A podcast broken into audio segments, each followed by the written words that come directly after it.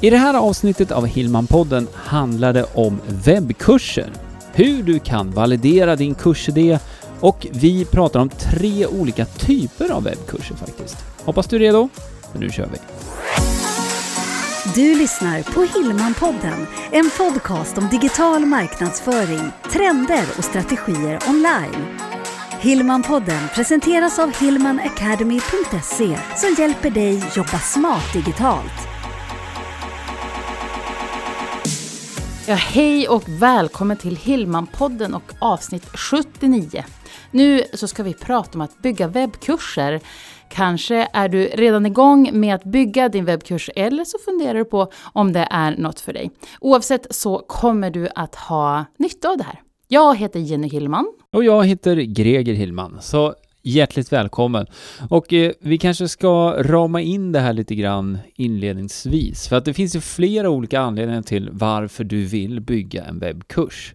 Till exempel kan det vara så att om du är coach eller om du kanske föreläser eller om du har kunder eller klienter en till en så finns det ju flera olika scenarion där det kan passa bra att faktiskt paketera din kunskap som en webbkurs. Men precis, du kanske vill nå fler över hela Sverige, över geografiska gränser så att säga, eller att du vill få hävstångseffekt på din tid. Ja, så det finns eh, ganska många eh, vinster med att faktiskt ta fram en webbkurs. Och det handlar ju mycket om att du ska hitta hur det i så fall passar in då i din övriga verksamhet. För det kan ju till exempel vara så att du vill skapa ett nytt inkomstben som en del i ditt företag. Eller att du vill komplettera dina övriga tjänster liksom, med en webbkurs. Ja, men precis. Och då är ju då frågan, vad ska den här webbkursen handla om? Mm. Inom din expertis så finns det ju antagligen och troligtvis många olika vinklar på det här. Men då gäller det att, att titta på själva kursidén, att nischa ner den och se vad är det för behov som finns. Och då är det ju en, en bra idé att börja med dina befintliga kunder, fråga och framförallt lyssna på vad finns det för ett behov? Hur skulle du kunna skapa den här webbkursen? Absolut. Och när det gäller då nischa ner, här är det ganska bra att eh, ta en extra funderare också på så att man verkligen nischar ner kring någonting där det finns en marknad. Ja, verkligen. Så att det verkligen är eh, liksom ett område inom ditt stora, kanske vida expertisområde, där det finns ett behov av en webbkurs och där din webbkurs då kan lösa ett specifikt problem som finns. För det är hela idén med en webbkurs, att man liksom, eh, ja, som kursdeltagare ska man få gå igenom den här resan från A till B, en rak linje, kortaste vägen och också att man sparar tid. Det brukar vara så man summerar liksom det här med, med webbkurs egentligen och varför man ofta investerar i att köpa en webbkurs. Ja, och det är det det handlar om. Nu pratar vi ur företagsvinkel. Det ska finnas en målgrupp som är villig att betala för den här kunskapen, att få lära sig via en webbkurs. Ja, definitivt. Och som sagt, då gäller det att validera den här kurs, kursidén, att se att den blir, att den fyller eh, en plats helt enkelt, där det finns ett behov. Ja, så att eh, validera, där var det ju huvudet på spiken egentligen. Du behöver validera din kursidé så att du vet att innan du börjar producera den här, alltså sätta ihop den, paketera den, att det finns en marknad så att du verkligen har användning av den här kursen längre fram.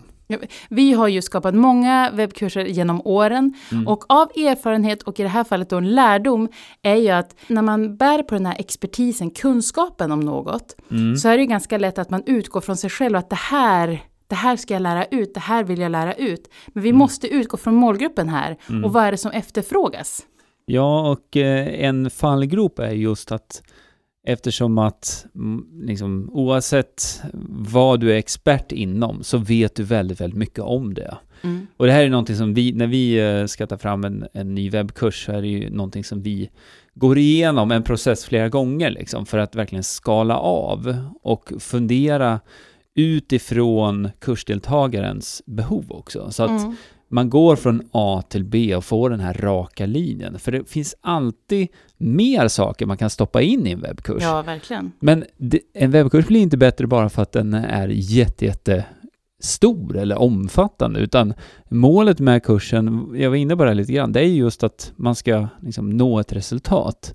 Och det är hela idén, så att där ligger ju ansvaret mycket på dig som skapar webbkursen då, att liksom tänka igenom det här pedagogiskt också, så att det blir en bra resa för kursdeltagarna. Ja, om utgångspunkten för din del är att, ja men till exempel som vi var inne på, få hävstångseffekt på din tid eller att du vill skapa ytterligare ett inkomstben, mm. så gäller det ju att, att den här kursen faktiskt säljer och om det då är så att du har skapat en webbkurs som på enklaste sätt tar en person från A till B, man når ett resultat mm. och det blir en bra kurs. Då har du ju lagt grunden för en bra webbkurs. Ja, det blir bra att eh, ha den då som en del i verksamheten. Vi kan väl gå in på några exempel på hur en webbkurs kan vara strukturerad här. Mm. För att vi brukar, när vi pratar om de här sakerna, identifiera egentligen tre olika typer av webbkurser. För att eh, man kan tänka på det här på lite olika sätt egentligen. Och den första typen av webbkurs som man kanske kommer att tänka på, det är den som är helt inspelad.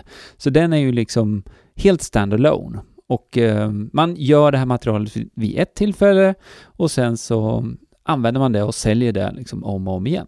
Men just kursdeltagaren kan ju då absorbera heter det inte, vad heter det? Den kan ta till sig det här kursmaterialet mm. när det passar en, det vill säga mm. att den är helt online. Ja, precis. Och det blir ju väldigt flexibelt, ja. för, eh, både för dig mm. som skapar kursen eftersom att du gör det vid ett tillfälle, men också för kursdeltagaren då, som kan gå kursen precis när det passar en själv. Då, mm. Så det är ju smidigt. Så det är den första, den som är helt inspelad. Så har vi raka motsatsen då. Precis, och då blir ju det helt live. Ja. Och men då pratar vi fortfarande nätet, det vill säga du, le du levererar kursen live men online. Mm. Och eh, det här är inte alla som tänker på den här varianten just initialt. För att webbkursen, ja men då ska allting produceras och mm. vara inspelat. Nej, men det behöver inte vara så. Och det kan faktiskt vara en fördel att man först levererar den här kursen live.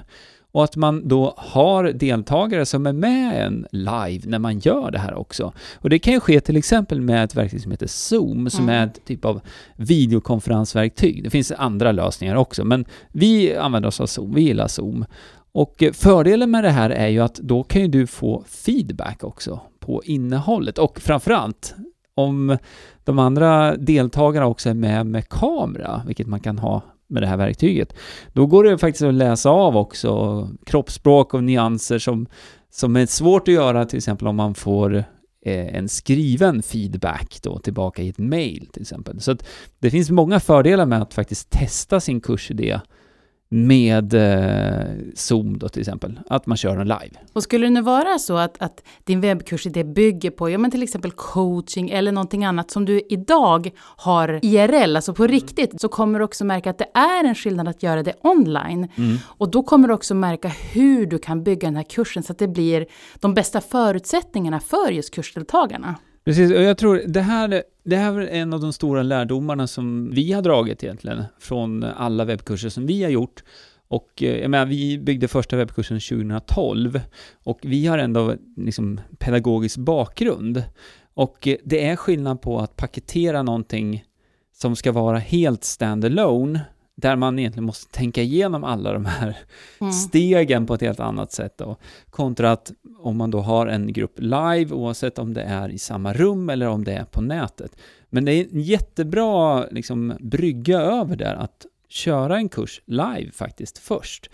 För då kan man också få den här feedbacken som jag var inne på, så att man kan få liksom, se vad som funkar och vad som inte funkar. Och eh, på så sätt då se till att gå igenom det här en gång till då, innan man börjar spela in delarna då, om man nu vill ha en helt standalone variant av kursen också. Ja, men sen kan du också då ha den här mixen där Just du har det. vissa delar som är inspelade och vissa delar som är live. Precis, och det, den modellen är också väldigt intressant för att det gör ju fortfarande att du kan få hävstångseffekt på din tid, för delar av kursen är inspelade och sen så kanske du då har eh, låt säga att det här är en kurs som löper över fyra veckor eller någonting. Då kanske du har en sån här gruppträff varje vecka till exempel.